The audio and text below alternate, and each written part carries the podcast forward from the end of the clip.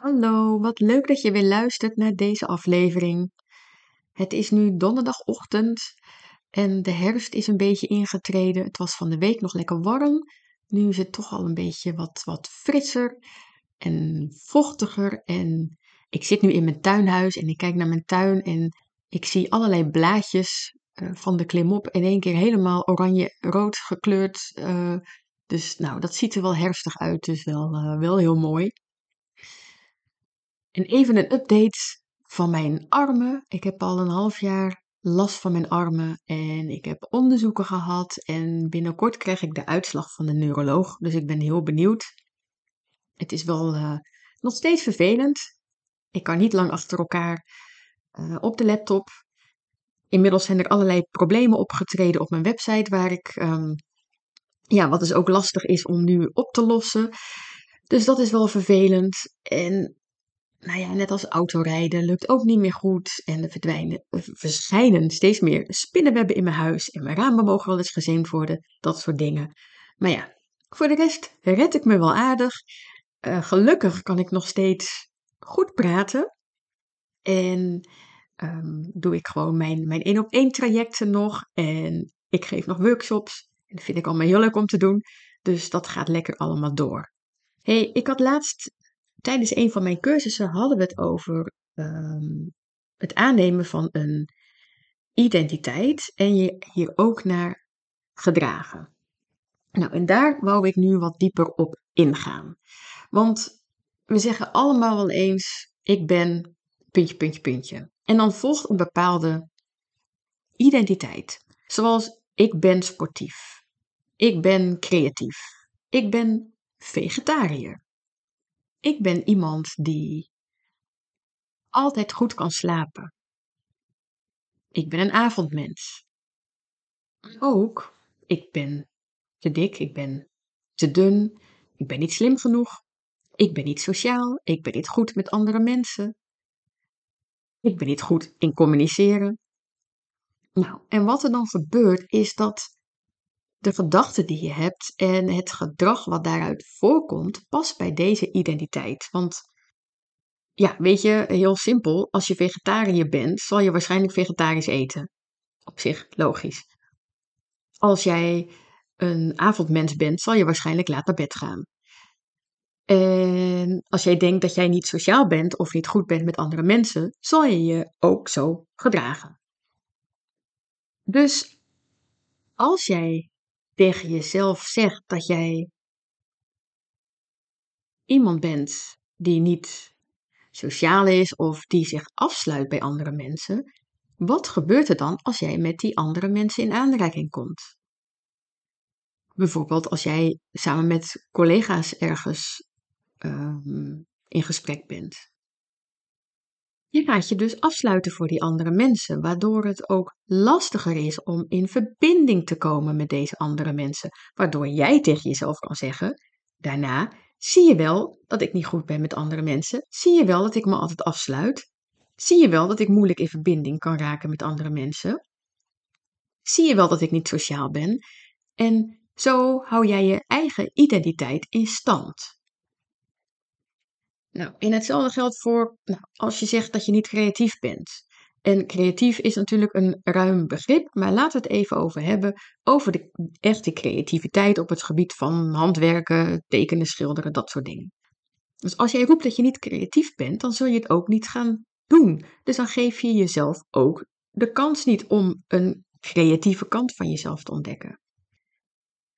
En het ligt er ook maar weer aan welke labels je hier oplegt of hoe hoog jij dat lat legt. Want als jij vindt dat je pas creatief bent als je de mooiste kunstwerken maakt, dan wordt het ook wel wat ingewikkelder. Maar misschien kan je jezelf eens gaan uitdagen. Ga eens twee weken lang iedere dag iets anders proberen op creatief vlak. Of juist een ding waarvan je zegt: oh, dat uh, vind ik lastig. Ik ga een schetsboek kopen en een, een, een, potlood en ik ga iedere dag een voorwerp tekenen uh, wat in mijn huis staat. Ik noem maar wat. Of als jij de identiteit hebt aangenomen van iemand die niet kan koken, kijk eens of je daar iets in kan veranderen. Ga eens op zoek naar makkelijke en gezonde recepten. Of ga een kookcursus volgen. Ga YouTube-filmpjes kijken. Ga jezelf eens uitdagen. Door bijvoorbeeld één keer in de week uitgebreid te koken en daar echt de tijd voor te nemen. En dit met aandacht en liefde te doen. En dan kun je kijken of je er meer plezier in kan krijgen. Waardoor je misschien weer meer gaat koken, waardoor je het beter kan leren. Waardoor je dus iemand wordt die steeds beter kan koken. Dus het is belangrijk om, ja, als het ware, voorbij jouw identiteit te gaan kijken. Wat de mogelijkheden zijn, of het anders zou kunnen. Want we geloven dat we een identiteit zijn. We geloven dat we dat zijn. En zo gedragen we ons dus ook. Als jij met andere mensen in contact komt, kijk eens of je dan de identiteit kan aannemen van iemand die open staat voor andere mensen. Want ik weet zeker dat je voorbeelden kan bedenken dat je wel met mensen in contact staat, waarbij je wel open bent. Het zit er wel vaak, alleen het komt er niet altijd uit. Kijk, als jij al van tevoren in een identiteit stapt van iemand die gesloten is en die niet kan communiceren, dan reageren mensen daar ook op. En je wordt alleen maar bevestigd in jouw identiteit. Dus in hoeverre geloof jij in jouw identiteit? Oftewel, hoe gehecht ben jij aan jouw identiteit? hoe gehechter jij bent, dus hoe belangrijker het is voor jou om erin te geloven, hoe meer je je ernaar gaat gedragen en hoe lastiger het ook kan zijn om dit te veranderen. Sterker nog, als je heel erg gehecht bent aan deze identiteit, dan is het ook gewoon zo. En een interessante vraag kan ook zijn: wie ben ik zonder deze identiteit? Dus wie ben ik, Esmeralda, zonder de identiteit van vegetariër, van diëtist, van iemand die graag workshops en cursussen geeft. Zonder de identiteit van coach en trainer. Zonder de identiteit van vriendin of van moeder.